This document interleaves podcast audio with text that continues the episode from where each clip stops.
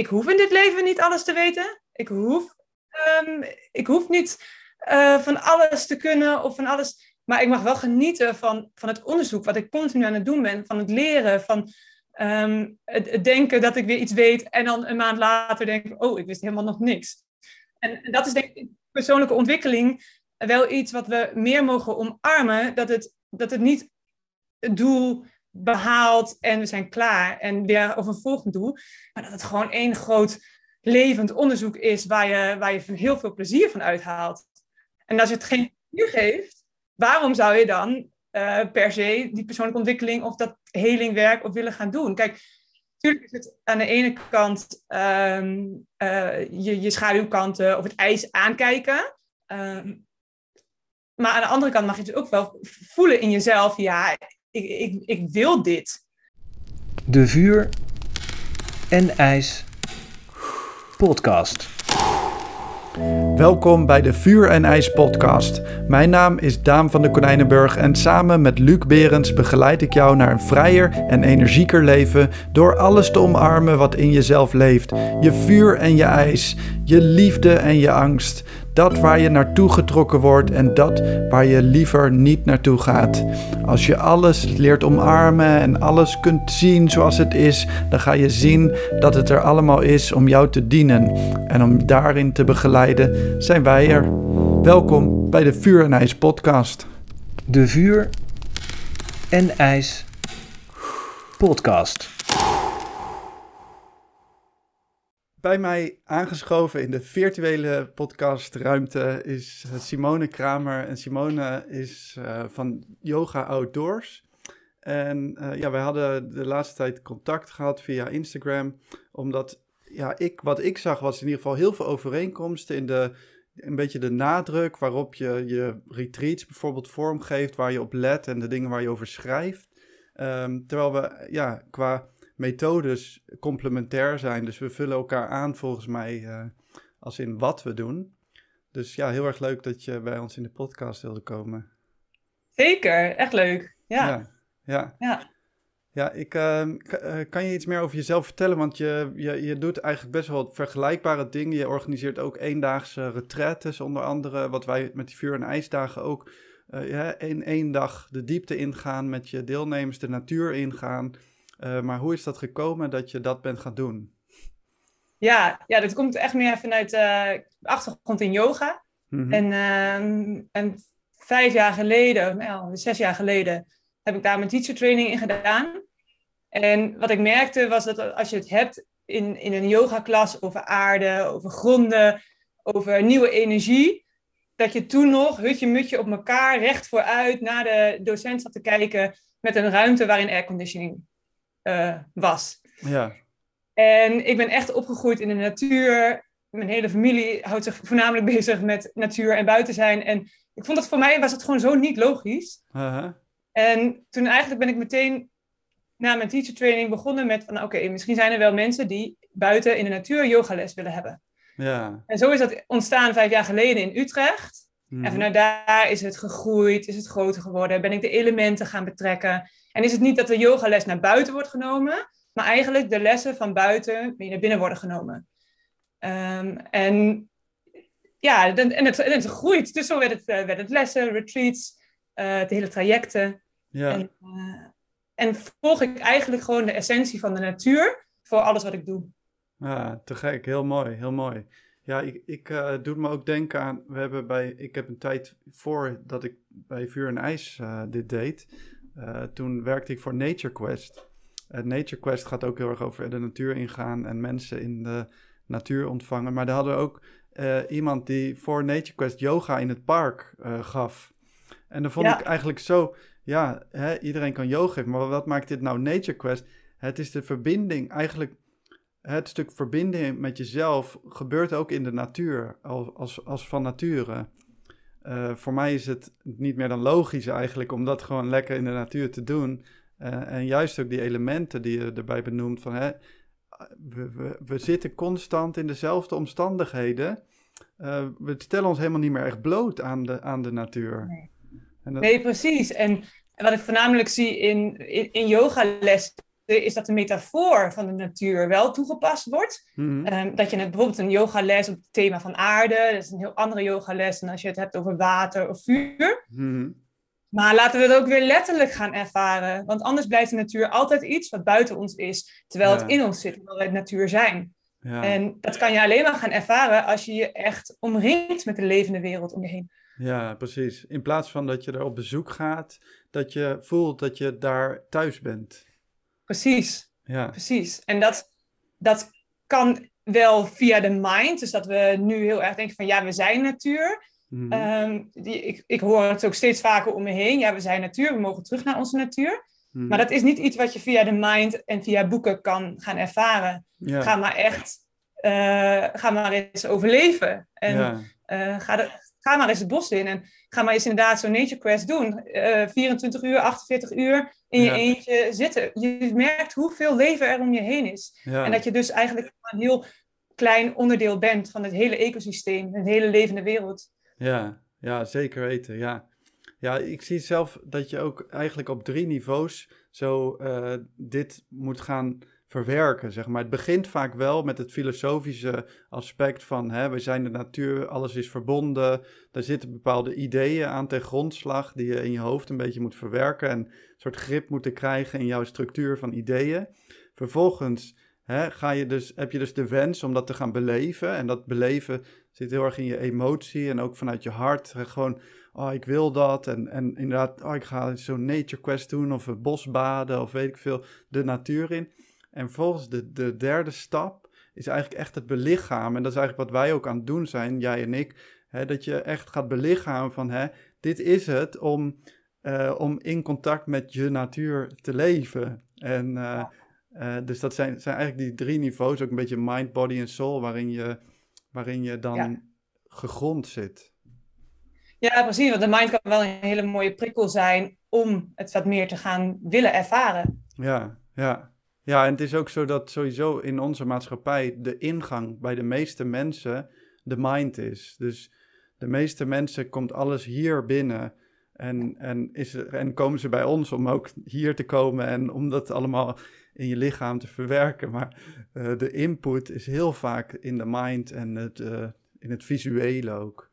Ja, ja zeker. Ja, ja en ehm, wat je zegt, hè, van de, de, de mind is de input, maar het, het, het hart kan het, uiteindelijk alleen echt begrijpen. Mhm. Ja, dat is wel iets wat ik, hoe ik het ervaar. Ja, ja. Maar hoe kan je dat vertellen, hoe je dat ervaart? Ehm, kijk, via, via de mind kunnen we dus inderdaad is een eerste prikkel. Um, maar als je alleen maar vanuit je hoofd redeneert, dan ga je geen 48 uur of vier dagen zonder eten in de natuur zitten voor een nature quest, vision quest. Mhm. Het zijn zaken die, je, die eigenlijk je hoofd of je ego of je mind zegt van, joh, doe maar niet. Uh, waarom zou je dat willen? Maar als je dat eenmaal gaat doen en je, je zit daar voor een wat langere tijd en je gaat tegen die boom zitten en je verstilt en je, je schuift die mind iets meer naar achter, het wordt iets minder belangrijk wat je hoofd te vertellen heeft, omdat je die rust gaat ervaren, Mhm. Dan gaat je hart eigenlijk voelen, ik ben hier helemaal op mijn plek. Ja. Dit, dit, is, dit is een goede plek voor mij. ja En- precies. Um, en zo, zo ervaar ik wel dat um, veel deelnemers, ik, ik doe zelf ook gedeeltelijke uh, mini-quests, mini-vision quests. Ja, En heel vaak is het dat deelnemers dat best wel spannend vinden van tevoren. ja, Um, je moet er echt zo lang in je eentje, wat moet je dan meenemen? Al die mind gaat allemaal aan het werk. Terwijl Ja. dat altijd het moment is waarin mensen um, heel euforisch of heel, heel anders van terugkomen. Mhm. Dat ze echt zoiets hebben van, wauw, wat heb ik nu ervaren? Dit is ervaring vanuit mijn hart, omdat mijn ja. hoofd even iets minder belangrijk werd. Het is ook eh, meestal, wij doen eh, alle activiteiten die wij doen, doen we eigenlijk vastend. En, eh, Hmm. en zelfs de online ademsessie kan je beter gewoon doen als je helemaal niks in je, in, geen eten in je systeem hebt. Eh, maar dat is hetgene waar de mensen altijd het meeste tegenop zien. Eh, bij ons is het, hè, ga ik dan, hè, kan ik dan de hele dag niet eten? Dat heb ik nog nooit gedaan. Ja. ja, dat is een van de redenen waarom je het ook juist dan zou moeten doen.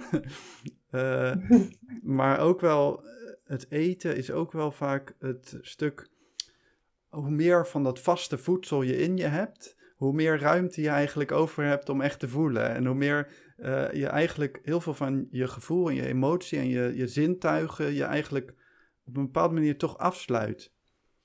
Dus, uh, dus het, het, het, het, alles wat je maar vult hè, en al die prikkels die we in de stad hebben, die, die vullen ons dusdanig dat we uh, ja, vol zitten en ons eigenlijk niet meer echt kunnen voeden met andere voeding, die ook belangrijk is voor ons. Zoals inderdaad die natuur.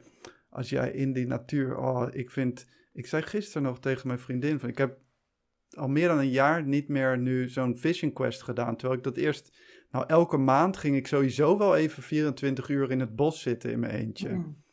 En, en, uh, en ik mis dat nu echt, omdat je het stuk vertraging, het gaat allemaal zo inderdaad zo vanzelf als je een tijd lang in de natuur bent en al die, alles wat je gewend bent even loslaat. Ik ben super verslaafd aan alle um, prikkels van social media en mijn werk. Als je, het, ja, als je mij gewoon mijn gang laat gaan, ben ik gewoon de hele dag aan het werk. Um, uh, wat, ik, wat ik ook heel leuk vind hoor, maar, um, maar ik heb dan ook echt nodig om die stap terug te zetten en, en, even en echt los te laten. Zo, ja. Ja, en er zit nog een, een heel groot uh, ruimte tussen 24 uur en mm. helemaal niet natuurlijk. Hè? Ja. Dus uh, gewoon weer eens een keer een wandeling maken en even twee uur tegen een boom zitten. Uh, ja. ja, maar dat doe ik wel. Dat doe ik wel. Alleen het, is, het is ook het stukje van, als je echt zo'n vision quest hebt, hè, die duurt een paar dagen, uh, dan ben je echt, um, dus je, ik heb vaak de eerste dag nodig om me over te geven. Uh, en om heel moe te worden ook eerst.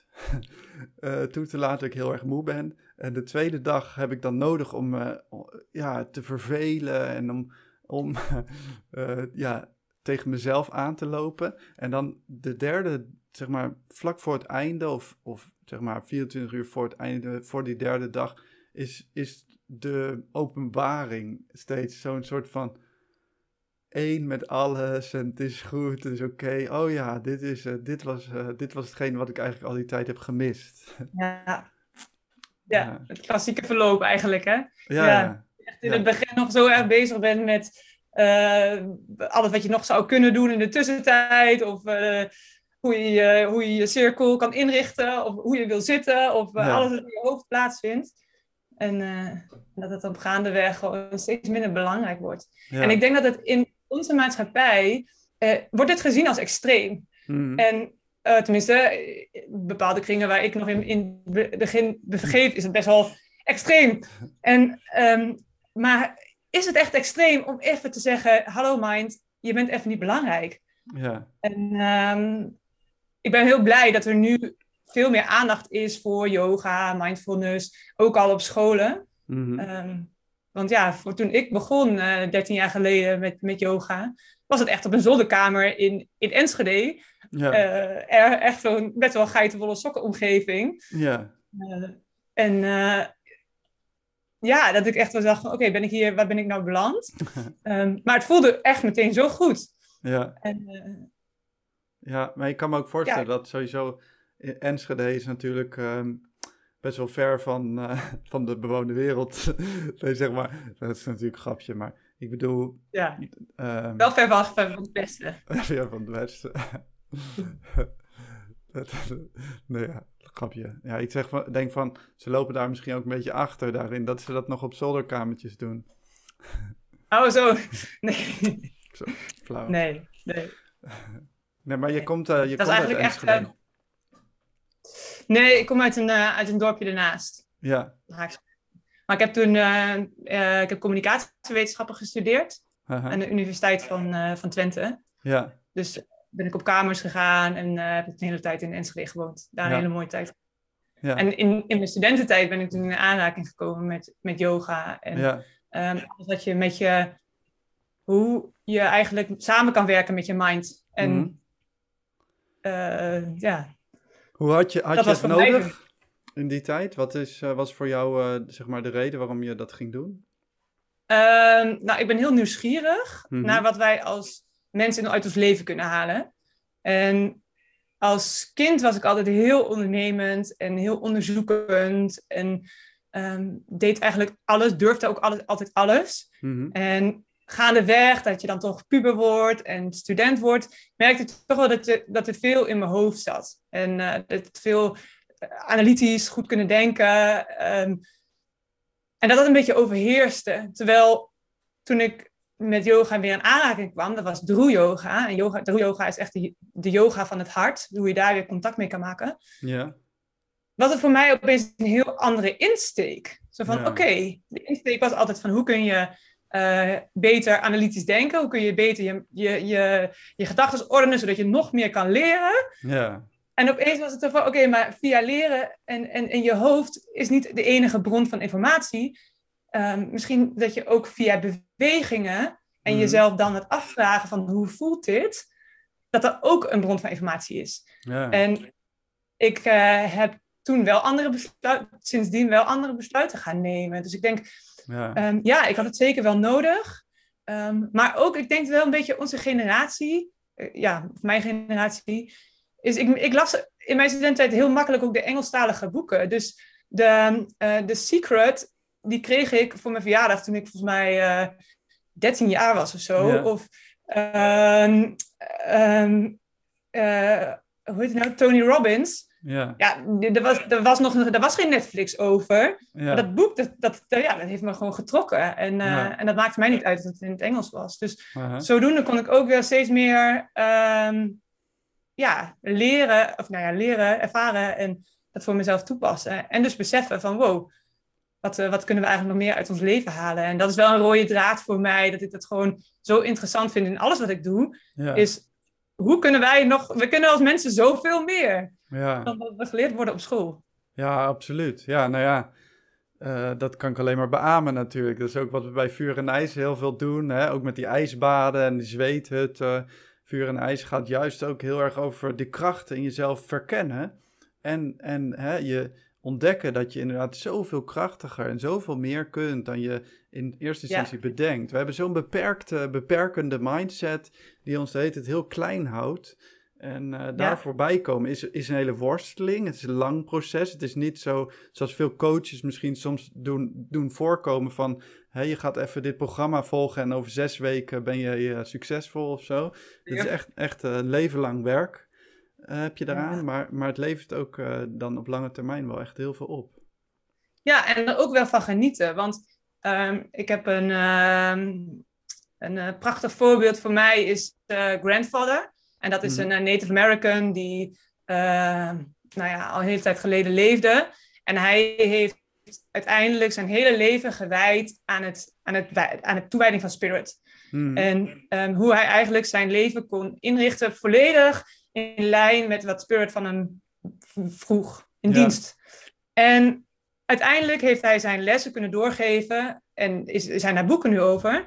Maar wat hij op zijn sterfbed zei, terwijl hij zijn hele leven van de natuur heeft geleefd, zijn hele leven in lijn met Spirit heeft geleefd, is dat hij zich nog maar een, een, een beginneling voelde op dit pad ja, dat is voor mij altijd wel een mooie metafoor. Dat ik denk van, ik hoef in dit leven niet alles te weten. Ik hoef, ehm, ik hoef niet eh, van alles te kunnen of van alles. Maar ik mag wel genieten van, van het onderzoek wat ik continu aan het doen ben. Van het leren, van ehm, het, het denken dat ik weer iets weet. En dan een maand later denk oh, ik wist helemaal nog niks. ja, ja, Eh, ja. en- en- herken ik wel, En, ja. en dat is denk ik persoonlijke ontwikkeling wel iets wat we meer mogen omarmen. Dat het, dat het niet het doel behaalt en we zijn klaar en weer over een volgend doel. Hmm. Maar dat het gewoon één groot levend onderzoek is waar je, waar je heel veel plezier van uithaalt. ja, en als je het mooi. geen plezier geeft, waarom zou je dan eh, per se die persoonlijke ontwikkeling of dat helingwerk op willen gaan doen? Kijk, Ja, natuurlijk is het aan de ene kant ehm,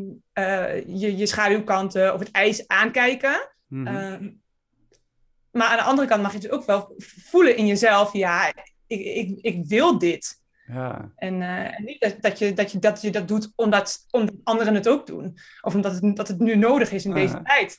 ja. Of omdat het de trend en de hype is. Omdat Om, om- of omdat het de trend is. Ja, absoluut. Ja, dus ik merk wel ook vaak bij, de, bij die ijsbaden dat we mensen hebben die, die komen daar dan eigenlijk omdat het op hun bucketlist staat. en dan, Hmm, eh, en dat, is, dat is een goede eerste prikkel hoor. Dat is een goede eerste stimulus om, om het te gaan doen.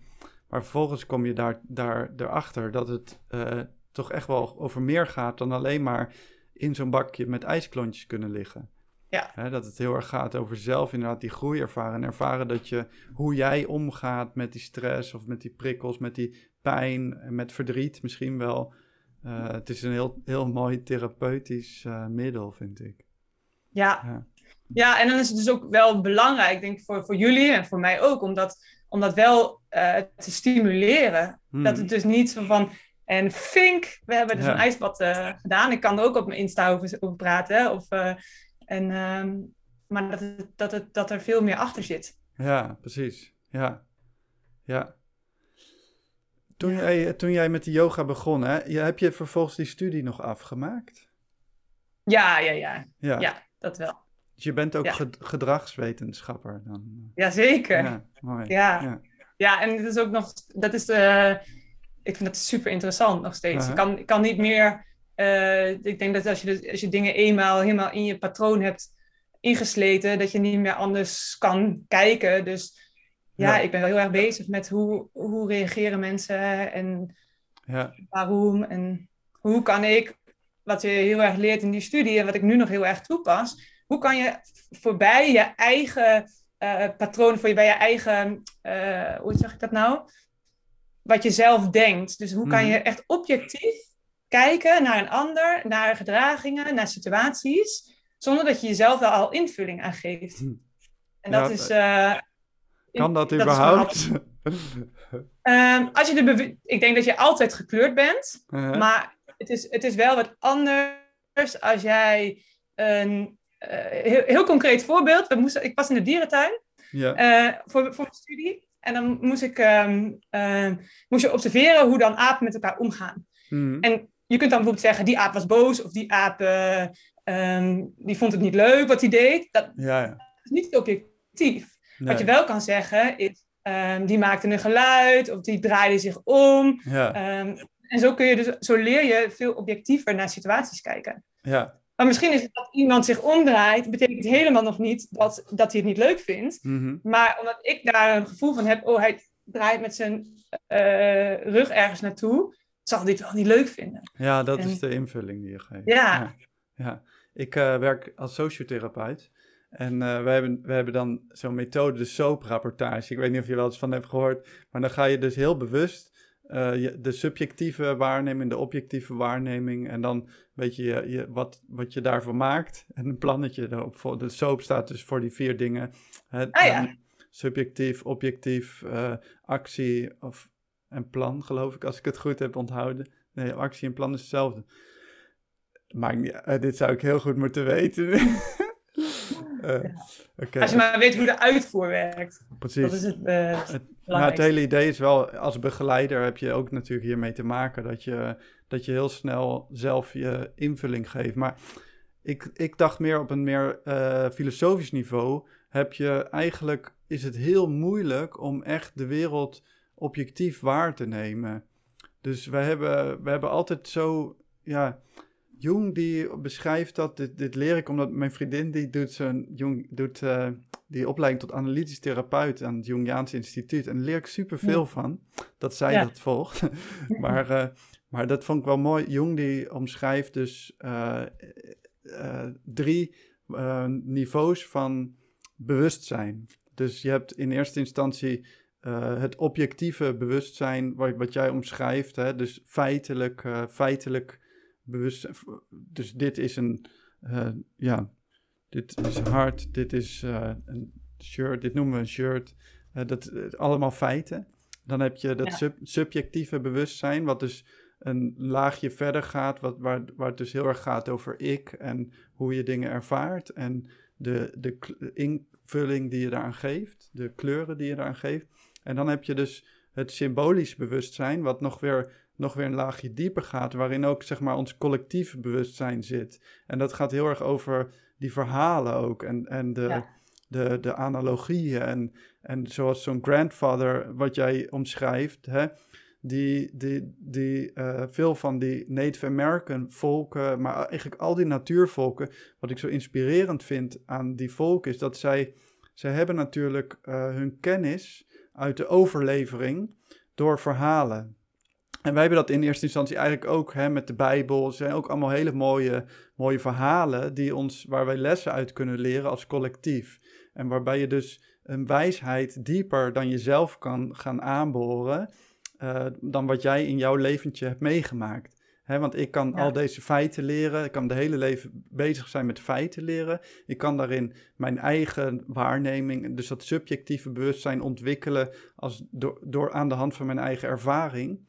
Maar het mooiste is als we ook echt met die uh, symbolische bewustzijn aan het werk gaan. Zoals je inderdaad bij de Native Americans heel veel ziet. Dat, ze, dat je uh, op die manier dus een echt een oeroude wijsheid gaat terugvinden door die symbolen en door die verhalen. En die symbolen die zijn op zo'n manier uh, uh, te interpreteren en te, op je eigen manier in te vullen, dat ze ook elkaar raken. En dat je dus ook uh, met die symboliek weer, weer nieuwe kennis opdoet en het allemaal met elkaar kan verbinden. Ja, dat vind ik een prachtige manier van kijken. Ja, ja, en wat je zegt dus met die drie lagen van bewustzijn, mm -hmm. um, dat is wel heel erg voor jou als individu. Ja. Um, waarin dat, ja, om voor jezelf te ervaren, denk ik. Ja, ja. Um, ja, ik denk dat we daar meer, dat het meer toegepast mag gaan worden. Ja. Dat je dus voorbij de eerste, de tweede laag kan ook nog, ja. maar dat die derde laag ook bestaat. Ja, precies. Ja. ja. ja. Wat, uh, want wat, hoe, dus voor jou spelen de Native Americans ook wel een rol in jouw leven, zeg maar. Dus die, je hebt het over grandfather en over spirit. In hoeverre uh, vind je dat terug nu in je eigen leven, die wijsheid van de, van de Native Americans?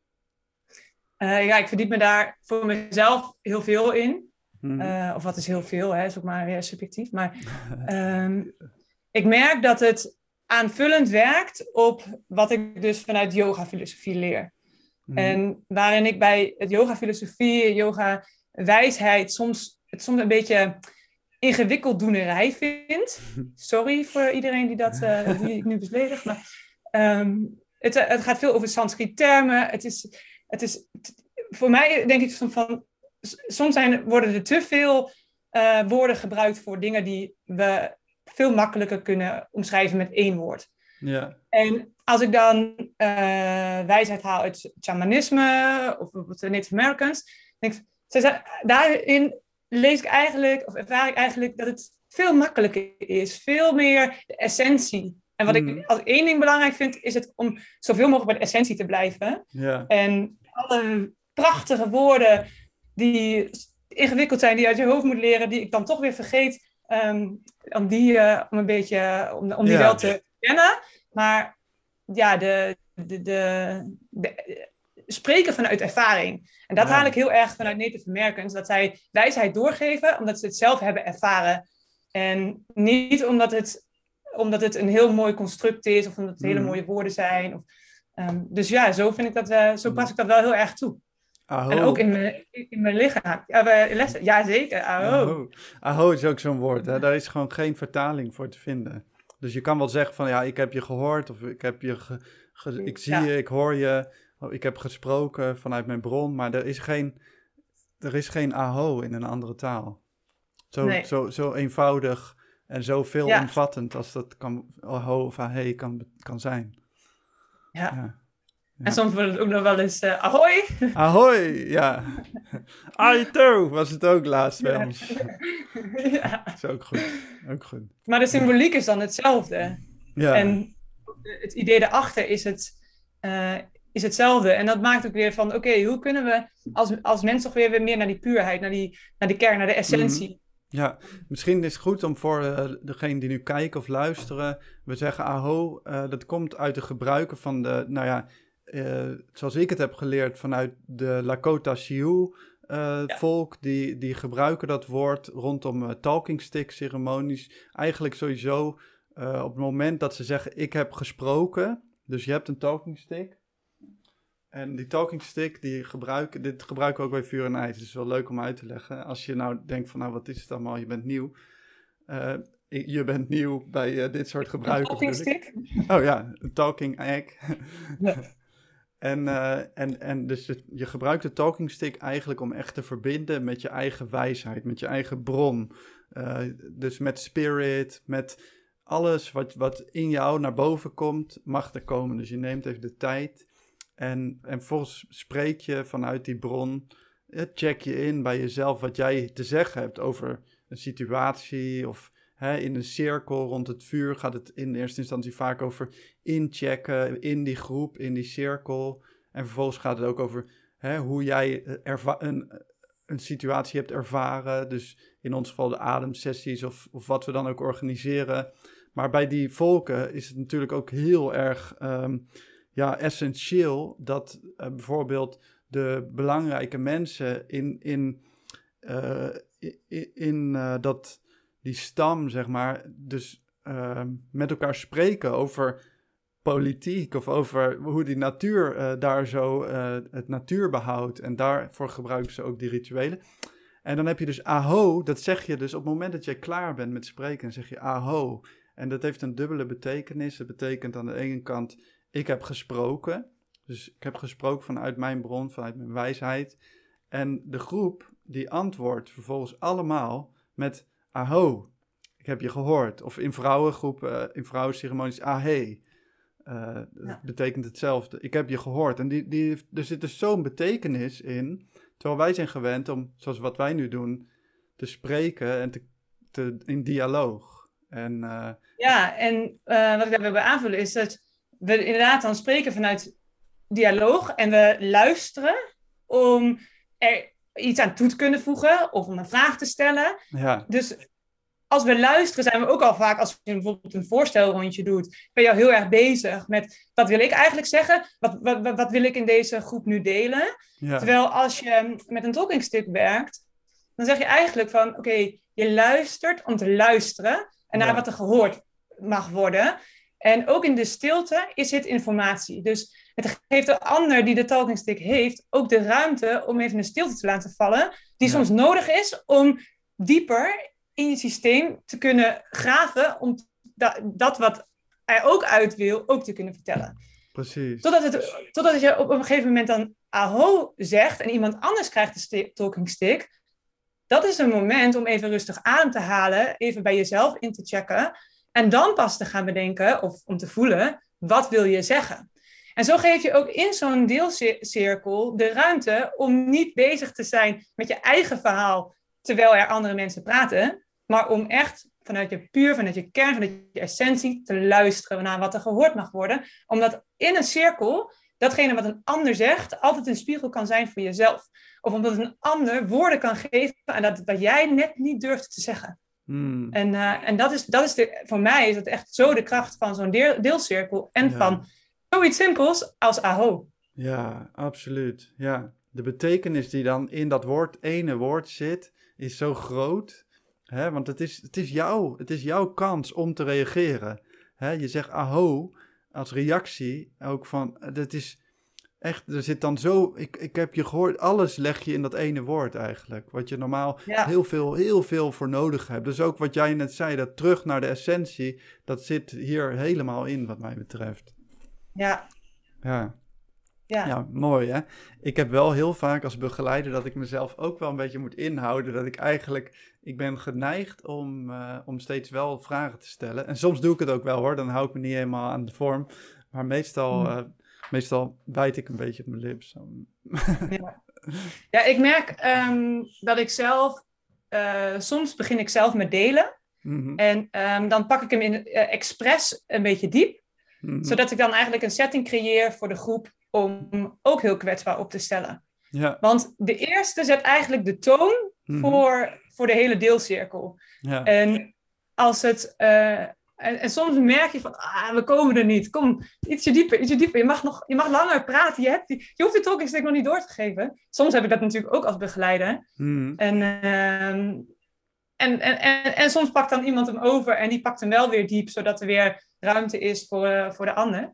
Ja. Maar uh, dus als ik het gevoel heb van, oké, we hebben nu een groep die, uh, die iets, iets, uh, iets een zetje nodig heeft, dan begin ik eigenlijk altijd zelf met delen en dan pak ik hem extra kwetsbaar. Ja, precies. Ja, herken ik wel, ja. Ja, ja het is ook zo gaaf dat je eigenlijk in de loop van zo'n cirkel, vooral, vooral bij check-in, voor mij, voor mij als begeleider vaak heel belangrijk, omdat er altijd een soort van overkoepelend thema in een groep aanwezig is.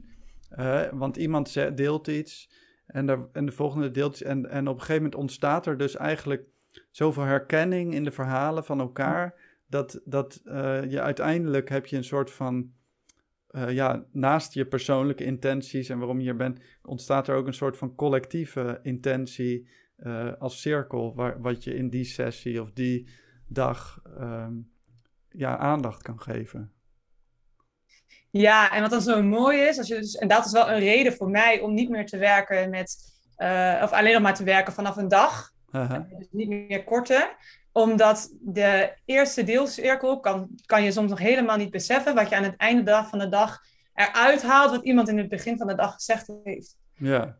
Dat het, dat het ook, soms aan het einde komt alles samen en dat je echt denkt van, ah, er zit toch een, een, een, een diepere laag achter waarom we als groep hier nu bij elkaar zijn. Hmm. En dat is iets wat ik uh, afgelopen jaren wel er steeds meer op ben kunnen gaan vertrouwen. Dat een groep komt nooit zomaar bij elkaar. Hmm. Er zit zoveel wijsheid in, in iemand anders die precies datgene is wat jij moest horen. Of misschien is het een irritatie of is het...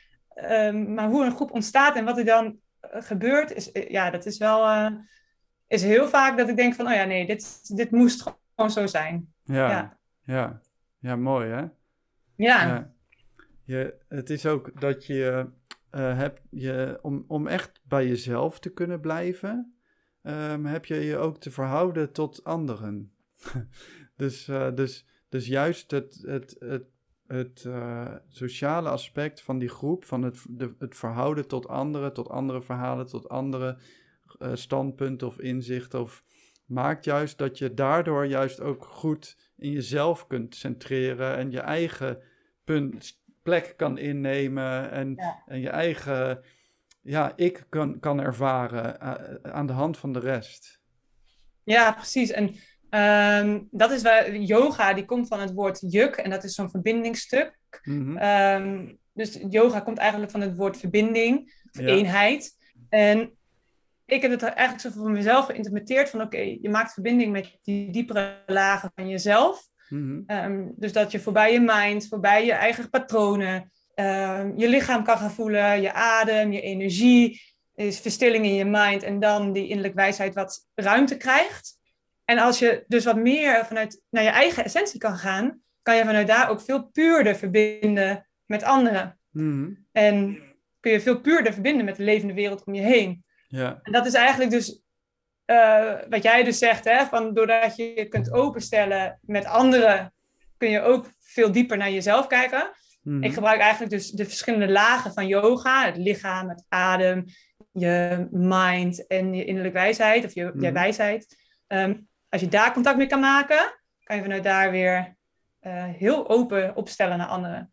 mooi. En dat is dus ook dat ik dus zelf, en dat, ik denk dat het dat misschien veel meer ondernemers, die, die, je hebt een ondernemersidee omdat je iets mist bij wat je zelf, wat je zelf aan het hart gaat. En bij mij was dat yoga en dan miste ik soms best wel om even met elkaar wat te delen. Ja, Omdat je op, op dat moment zo, zo rustig, ontspannen, in contact met jezelf bent. ja. En, eh, Ik vind ook wel in de, de hele wildgroei aan eh yoga-juffen, zeg maar, om het even oneerbiedig te zeggen, eh, vind ik het ook af en toe wel lastig om eh, degene te vinden waarbij je echt voelt dat het echt gaat over dat waar het echt over gaat.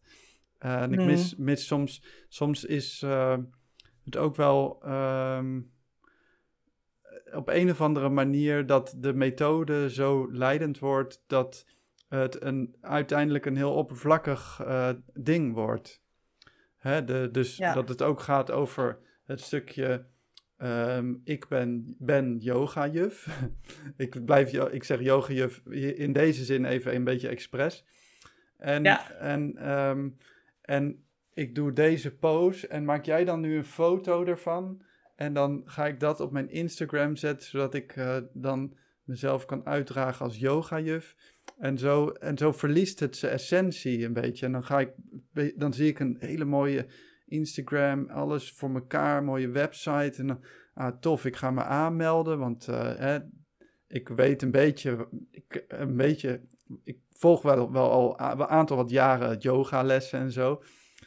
En dan ben ik daar uiteindelijk eigenlijk zo teleurgesteld, omdat ik het gevoel heb dat het alleen maar gaat over de methode en over de vorm. En dat het vormeloze wat erachter zit, wat eigenlijk aangeraakt wil worden, um, helemaal niet aan bod komt. Ja. ja, en zo zijn er echt heel veel verschillende insteken. Want yoga heeft natuurlijk heel veel functionele eigenschappen die mhm. voor heel veel mensen heel goed zijn. Dus alleen maar om je lichaam uh, flexibel te houden of wat meer flexibiliteit te geven, mhm. om het wat meer aandacht te geven, om er gewoon überhaupt contact te maken dat je een lichaam hebt die je goed mag verzorgen. Mhm. Dat is voor heel, heel veel mensen al een enorme stap. En natuurlijk ehm, gaat dat voorbij aan de mooie poses. Dus dat is, ja, dat, dat is weer mijn. Uh, nou, oké, daar heb ik ook mijn mening over. Um, maar voor sommige mensen is alleen maar de, de fysieke laag al een hele stap. Ja. En um, wat ik zo mooi vind aan, aan, aan, yoga, of, dus niet bij elke yoga, maar ik geef het in, in een flow. Dus dan combineer je de ademhaling met de beweging. Mm En hoe simpeler je de beweging maakt, ja. dus hoe, hoe makkelijker mensen dus voorbij hun hoofd kunnen, voorbij hun lichaam. Als je de poses heel moeilijk houdt, en heel erg, dan wordt het een, een, een, een trucje die ze vanuit hun hoofd moeten gaan begrijpen. Ja.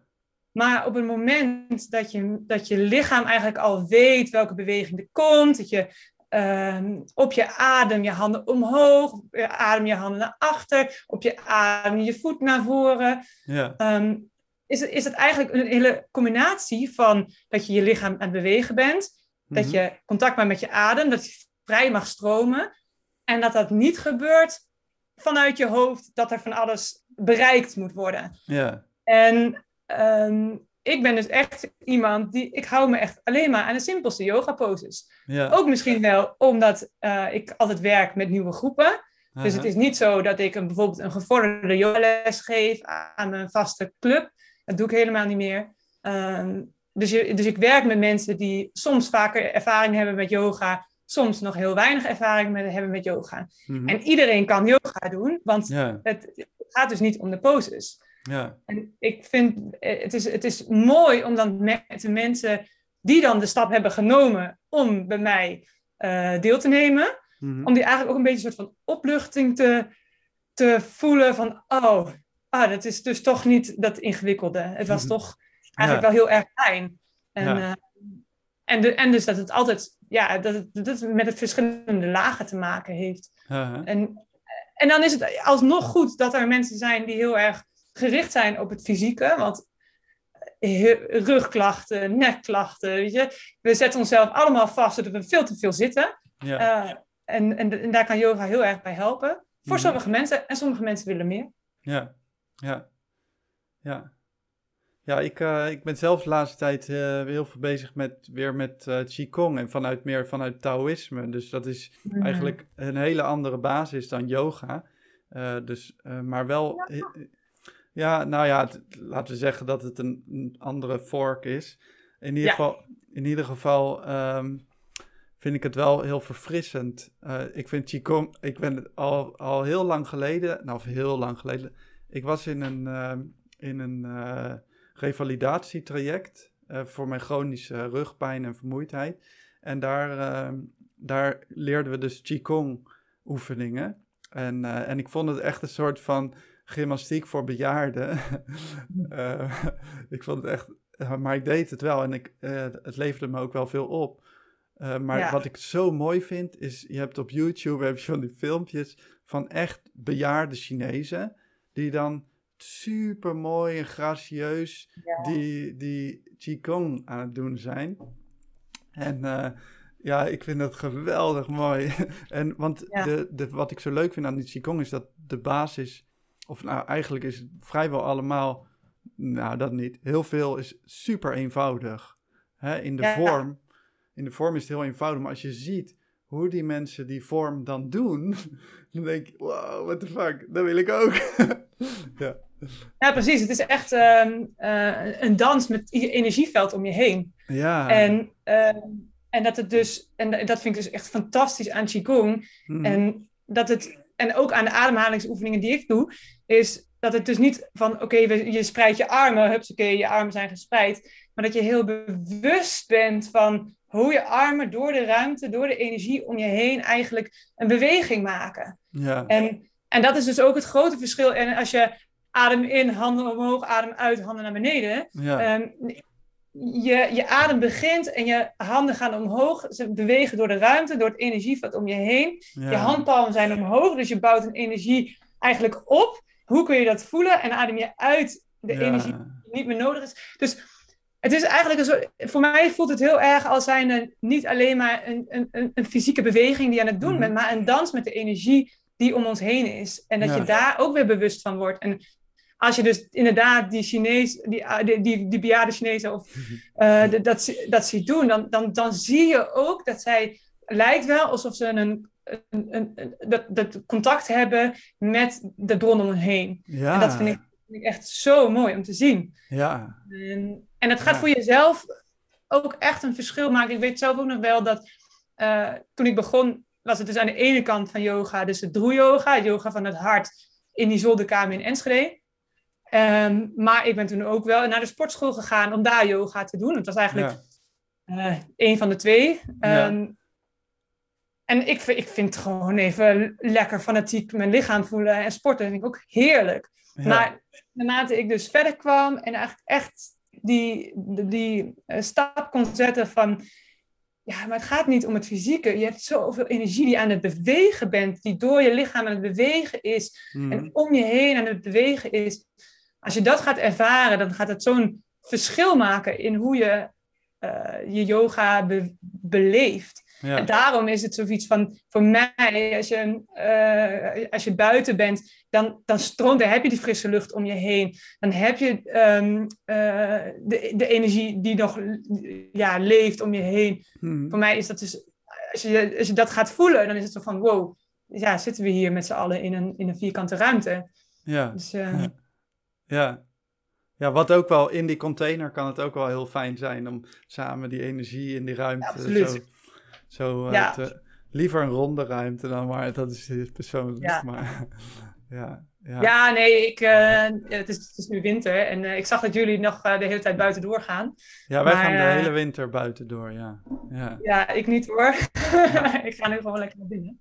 Maar wel altijd in een, in een boerderij die niet vierkant is, maar altijd Mhm. rond. Of waar we heel veel naar buiten kunnen. Dus Ja. ja, het, is, het is niet zo dat ik binnen helemaal verafschuw. eh, nee, Mhm. zeker niet. Nee, mijn favoriete ruimte om in te werken is eigenlijk toch wel de Mongoolse joert. Gewoon door de Mm. vorm die het heeft en het feit dat er hè, geen ramen zo, het is helemaal rond. Het is gewoon een- ik vind het een hele prettige ruimte om in te zijn. Ehm, maar eh, ja, we werken natuurlijk ook met die zweethut. Dus dan ben je buiten en, en dan ervaar je ook echt het contrast. En als je in de winter echt in de sneeuw zo'n zweethut doet, dat is echt magisch vet. Dat is zo vet. Dus eh, ja, dat, eh, dat, dat kan alleen maar buiten. Ehm, Ja. Daarnaast, kijk, zo- zo'n truffelceremonie, wat we ook doen. Aanstaand weekend hebben we een innerlijke reisweekend. Nou, dan hebben we één dag, die staat echt wel in het teken van de zweethut. Dus dat is eigenlijk de, het reinigingsritueel, eh INIPI, zaterdag. En dan zondag hebben we de truffelceremonie. En dat is dus plantmedicijn, wat gaat over naar binnen keren en de innerlijke reis maken. eh, en transformatie ervaren in al je patronen of in, in alles wat je doet eigenlijk. En dat is wel binnen. Dus die, Ja. de basis van die, eh, van die truffelceremonie is bij ons altijd binnen in een eh, ceremonieruimte.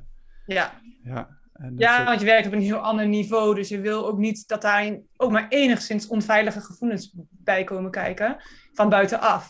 Nee, eh, precies. Natuurlijk ja. kun je je wel van binnenuit dat je denkt, waar ben ik in beland? Maar dat, Ja. de, dat de omgeving heel veilig voelt. En dat is voor mij ook belangrijk. Ik maak zelf eh, meditatiereizen. Dus dat is op, op een heel andere hersenfrequentie dan waar Mhm. we nu in aan het spreken zijn. En daarvoor moet, het, moet ook gewoon de, de situatie heel veilig zijn. Dus dat zou ik niet... Dat soort Ja. reizen maken we niet als, het, eh, als we in een bos zijn of, eh, en de mensen langs kunnen lopen. Nee, dat, uh, dat Nee. vindt altijd binnen plaats. Ja. Ja, wat ik dan wel leuk vind, om nog even daaraan toe te voegen. Wat eh, hier in Zwolle, ik, ik eh, woon in Zwolle. En eh, we hebben een, eh, een hele mooie plek aan de IJssel, waar ze dus zo'n spoorbrug overheen hebben gebouwd. En daar heb je dus, eh, die- spoorbrug, daar zit een fietspad en een, en een voetpad aan de zijkant. En wat ik dus doe, is dan organiseren we de vuur- en ijsdag zo aan de, eh, naast die spoorbrug. Dan zit je wel in die uiterwaarden van de IJssel, prachtig vogelgebied, natuurgebied, heel erg mooi. Eh, maar dan heb je daarboven dus eh, de Muppets, zo noem ik ze, die dan, die dan eh, langs lopen en fietsen en stoppen en gaan kijken. En ook dingen zeggen en zo. En, Oh ja. en, en dus de kunst is dan om de Muppets waar te nemen. Ze kunnen niet bij je komen, je kan niet daarheen. Dus, het is, dus je weet, het is veilig. Je bent hier veilig. Ehm, eh, maar het zijn ook die stemmetjes die je in je hoofd wel eens hebt. Hè? Die, eh, daar, daar staan ze een beetje symbool voor. Die de hele Ja. tijd alles gaan op, op, hè, oordelen, observeren of lachen of weet ik veel. En dan ervaren van, oké, oh, dit zijn de Muppets, daar zijn ze. Je kan ze ook naar ze zwaaien, hallo. En, eh, en je gaat weer verder in je eigen proces. Dat vind ik heel mooi. Ja, Ja, ja. Maar goed. Dat, dus is, dat is zeker mooi. En dan is het ook wel mooi dat je zegt van ja, ze kunnen toch niet bij je komen. Dus het heeft geen zin om daar heel veel eh gedachten aan toe te geven. Want het, het, het is wat het is. ja, En, eh, toen ik voor het eerst eh, met de groepen, ook de echte Shavasana, dus de, de eindontspanning, dan buiten deed, dan kriebelt altijd wel een beestje over Ja. je heen. Wat ga je daaraan doen? Ga je hem weghalen? Ga je zeg maar, even met je hand eroverheen vegen, zodat hij niet meer kriebelt? Maar dat verstoort misschien ook wel dat jij met jouw proces wat kan verstillen. hm, Dus dat je ook leert om niet aan elke eerste prikkel die je maar in je hoofd hebt, om daar meteen aan toe te geven. Nee, misschien dat je laat het beestje even laat kriebelen en vliegt hij binnen, binnen vijf seconden, misschien vliegt hij wel weer weg. En heb jij niet je hele eh, systeem verstoord. ja, En misschien blijft hij wel heel lang en kun je op een gegeven moment heel rustig afhalen. ja, Maar niet dat we continu, oh, er is iets discomfort, moet weg. En ja, dat we er leren mee omgaan. Want je kunt het beter in, in zo'n situatie eh, ervaren dat er een beestje over je heen kriebelt dat het een beetje discomfort heeft. hm, In plaats van dat je in het dagelijks leven opeens meer geconfronteerd wordt en niet weet wat je daarmee aan moet. Ja, ja En, ik, eh, ik, ik zeg ook vaak, zeg ik, eh, ehm, vanaf nu is alles precies zoals het moet zijn. En dus, dus alles wat je nu ervaart, dat hoort er helemaal bij. Dat is een onderdeel van de Ja. meditatie. Dus eh, de- Ja. maak, het, maak het maar onderdeel van de oefening. Hè? Dat beestje wat kriebelt, of, die, of dat been wat slaapt, of dat gevoel waar je moet, moet kriebelen terwijl er eigenlijk niks is. Oké, kan je dat gewoon waarnemen? Gewoon en waarnemen dat je die behoefte hebt om daar iets aan te doen. En eh, ondertussen door te ademen. Gewoon rustig Ja. doorademen. Dit, dit gebeurt, ik voel dit. Oké, wat oh, dit ben ik echt niet gewend. Het is heel ongemakkelijk. Kijk, dan ben je ook je comfortzone een beetje aan het uitrekken. En een beetje aan het voelen van... Oké, ik hoef niet overal actie te ondernemen. En dat, dat jeuk of dat beestje gaat inderdaad vanzelf weg. Of Ja. niet. Maar ja. Ja, is leuk hè? Ja. Ja, dat is, ja, dat is al een hele, hele winst. Als soms de mensen dus zeggen, oh ja, nee, ik kon hem gewoon laten zijn. Ja. Oh ja. Oh ja, ja, Ja. ja. Ja, en dat, dan is het ook weer, heeft het, staat er ook weer symbool voor die andere dingen in jezelf, in je eigen leven, die je, die je er maar moeilijk kan laten zijn. En waar je de hele tijd het gevoel hebt dat je dingen moet oplossen, omdat Ja. ze niet, niet zijn zoals ze zouden moeten zijn. Ja. Ja, Ja, en dat is, toch, dat is toch ook het mooie aan ons werk, is dat je eigenlijk een soort van proeftuin kan zijn. En dat het, ja, dat, dat, dat, dat het in het dagelijks leven soms ook niet gaat zoals je het wil. En eh, Ja. dat is denk ik wel het mooie vanuit de yoga-filosofie. Zeggen we eigenlijk altijd van, oké, je doet een houding en die kan soms best wel eh, impact hebben op je Mhm. spieren. Dat je hem niet meer fijn vindt, dat je, hem voelt, dat je je bovenbeenspieren voelt branden. ja, Eh, maar waar zit je grens? Dat je dus wel eigenlijk eh, je grenzen opzoekt. Dus dat je voelt van, hé, hey, ik ben aan het werk. ja, Maar niet dat je morgen niet meer kan lopen van de spierpijn en eh, je knie hebt geblesseerd. ja. En dat je dus in zo'n, in zo'n practice leert van, hé, hey, hoe voelt mijn lichaam? Wat voelt nu goed? Wat kan ik nu hieraan doen? Eh, En dat je zoveel beter je grenzen leert. En, en, en bijvoorbeeld zoiets als met wat denk met jullie doen, met koud water of met, met koude. Mhm. Is het van oké, je hebt nu een veilige setting, je hebt goede begeleiding. Ga maar Ja. eens ervaren hoe het is om zoveel stressreactie te hebben. Ja. En dat, hoe je daarmee omgaat, hoe je dat kan wegademen, hoe je, dat kan, hoe je jezelf kan kalmeren. Hoe Ja. je eigenlijk zo ontzettend veel eh, handige tool hebt met je adem. Mhm. Die je in het dagelijks leven misschien ook wat vaak kan toepassen. Als je manager opeens een hele boze mail heeft gestuurd. En jij hoog met je adem in paniek bent geschoten. Ja, En ja, dat is ehm, de, waarom ik eigenlijk eh, ons werk gewoon zo belangrijk vind. ja, Is dat het gewoon een veilige proeftuin is voor het, voor het echte, echte leven. ja. En je dus ook nog weer veel meer kan bieden. Want ja, het, het, het- je, je gaat zo met veel mensen die dan eenmaal hebben ervaren wat ze kunnen doen met hun adem. Of hoe, je, eh, hoe fijn het is om een, om een vision quest te doen. Het, is- het vraagt eigenlijk altijd wel eh, dat mensen zoiets hebben, ik wil wel meer. Ja, zeker, ja. Nou ja, dat is wel mooi. Daarom, eh, ja, ik zie het ook zelf als een soort speeltuin. Ik zie ook de hele onderneming als een soort speeltuin. En langzaamaan merk ik dat eh, vuur en ijs van speeltuin ook een- pretpark zou kunnen worden.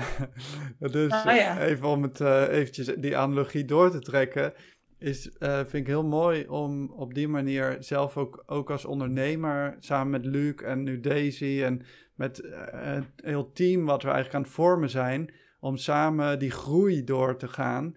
En daarin ook je eigen beperkende overtuigingen tegen te komen. Hè, van oh, we, zijn, hè, we zijn niet goed genoeg. Of oh, kijk hun eens, kijk dit of dat. En wat moeten we nu nog? Of zo, dat gevoel kan je soms hebben. Hè?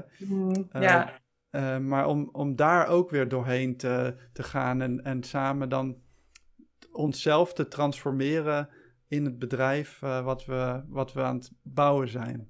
ja. En daarmee allemaal mensen te helpen ook nog eens. Dat is toch het allerleukste. Hoe mooi kan het zijn? Ja. Ja, ja. ja, dat is toch fantastisch. Ja, ja, te gek. En ehm, we gaan zo meteen richting een afronding. Zijn er, is er nog misschien iets wat je heel graag wil promoten, wat je nog wil vertellen, waar je heel enthousiast over bent, waar je nu mee bezig bent, of waar je... Vertel. Ah, nice. Ja, ehm, ik heb eh, een maand geleden heb ik Eartha gelanceerd. Dat is Ja. een eh, nieuw product. Mensen kunnen eigenlijk altijd bij mij eh, een dagretreat volgen. Mhm. Even nu weer terug naar de basis, een dagretreat. Ehm, ik heb een expeditie. Dat is een, een weekendretreat waarin we daarna drie maanden contact blijven houden. En, en, en terugkomdag is. Dus waar- dat je leert eigenlijk vanuit de, de, de natuur, wat het voor je doet, de yoga, wat je voor je doet. Maar dat het niet alleen maar een fijn weekend is, maar dat je dat ook leert te integreren in je dagelijks leven. Dat is Mhm. de expeditie. En vorige maand heb ik eh Eartha gelanceerd.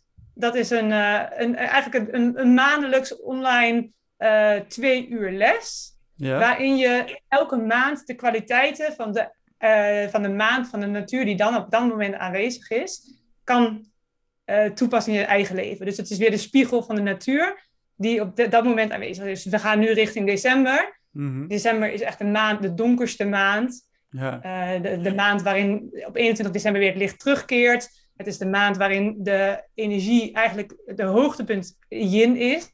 ja, Hoe kan je dat gaan toepassen in je dagelijks leven? ja. En eh, dat doen we dan door middel van bewegingen, van ademhalingsoefeningen en een meditatiereis. Mhm. Dus, ehm, dus dat is wel een, een, een leuke voor mensen om in te stappen. Om gewoon eens te ervaren van... hé, hey, wat, doet, ze- wat doet Simone nou? Eh, hoe kan ik dat een keertje doen? Dus dat is heel laagdrempelig. Gewoon eh, online kun je Te gek. zelf eh, een keertje meelopen. Via yogaoutdoors.nl. Yes. Ja, ah, Ja. cool. Cool. Nou, en kan ik er ook gewoon een keertje aan meedoen om een keer te proberen? Jazeker. Ja, leuk. Ja, Ja, dat, ja. eh, ik wil dat eigenlijk wel. ja, Ja. Ehm, Ja. Ik vond dit heel erg leuk, eh, Simone. ja. Volgens, mij, Ja. volgens mij kunnen we nog weer heel veel, eh, heel veel verder praten. En, eh, ja, het is dat de podcast niet langer mocht duren, maar... Klopt, ja. ja. Maar ja, daarvoor hebben we dus ook het plan een beetje samen opgevat om ook, ook, ook ja, met meer professionals te verbinden en om samen zo'n dag. eh, dus Ja. willen, willen vanuit vuur en ijs eigenlijk zien we heel veel raakvlakken. We hebben, natuurlijk ook hier in de podcast al meer mensen gehad die. eh, ja, waar, waar, waarbij we zoveel uit te wisselen hebben, of samenwerkingen aan te gaan, of mensen die Ja. juist met onze methodes op die manier ook willen werken. Dus eh, daarvoor willen we graag een dag voor professionals organiseren. En we hebben een, een datum. Eh, Ah, nice. ja, hij staat nog niet, we hebben hem nog niet ergens gelanceerd, maar de datum, misschien kan je al kijken, is eh, in maart. Ja, dat is heel ver weg hoor. Maar Als wordt het niet in het weekend is, maar Oh ja, nee, ik heb hem door de weekse dag, omdat we toch allemaal ondernemers zijn ja, die precies. dit gaan doen. En onze weekenden zitten eigenlijk altijd, eh, altijd al vol. Is eh, Ja. woensdag, woensdag 30 maart 2022. Dan moet je die vast in je agenda zetten, Simone. En dan de exacte details gaan nog, eh, gaan nog volgen. Yes, superleuk. En, en als je nou nu een kijker, luisteraar bent die ook een professional is op het gebied van zelfontwikkeling, bezig bent met spirituele groei, eh, met ja, vergelijkbare dingen als waar wij mee bezig zijn en je denkt van nou, ik wil er ook op aanhaken, stuur ons gerust even een DM of een bericht of hieronder in YouTube of Spotify of weet ik veel wat. Vind je kanaal om ons te contacten. Eh, om, eh, en dan gaan we dus woensdag 30 maart gaan we een mooie dag eh, met professionals bezig met ons eigen vuur en ijs en kruisbestuiving. Ja, Leuk. ja. Ehm, Simone, dankjewel dat je Ja. dit hier, hier was in de podcast. En, Jij ook bedankt. ja, eh, luisteraars, kijkers, dankjewel dat je weer hebt geluisterd. Je hebt het weer een heel uur volgehouden met, eh, met de Vuur en IJs podcast. En eh, ja, graag verwijs ik naar alle dingen die wij doen op onze website vuurenijs.nl. Misschien is het je opgevallen, de website is geheel veranderd en toch ook een beetje hetzelfde. Maar we hebben nu ook een, echt een webwinkel waar je dingen in kunt kopen die wij gebruiken. Dus dat is ook leuk om eens naar te kijken. En eh, nou, ik zie sowieso je als luisteraar, kijker graag een keer in onze events. Ehm, tot later. De Vuur en IJs podcast. Bedankt voor het luisteren naar de Vuur en IJs podcast. Wil je meer voor jezelf? Dan kun je abonneren. Wil je ook iets voor een ander? Dan kun je inspireren. Stuur deze podcast door naar iemand die hem goed kan gebruiken. Bedankt voor het luisteren en tot de volgende keer.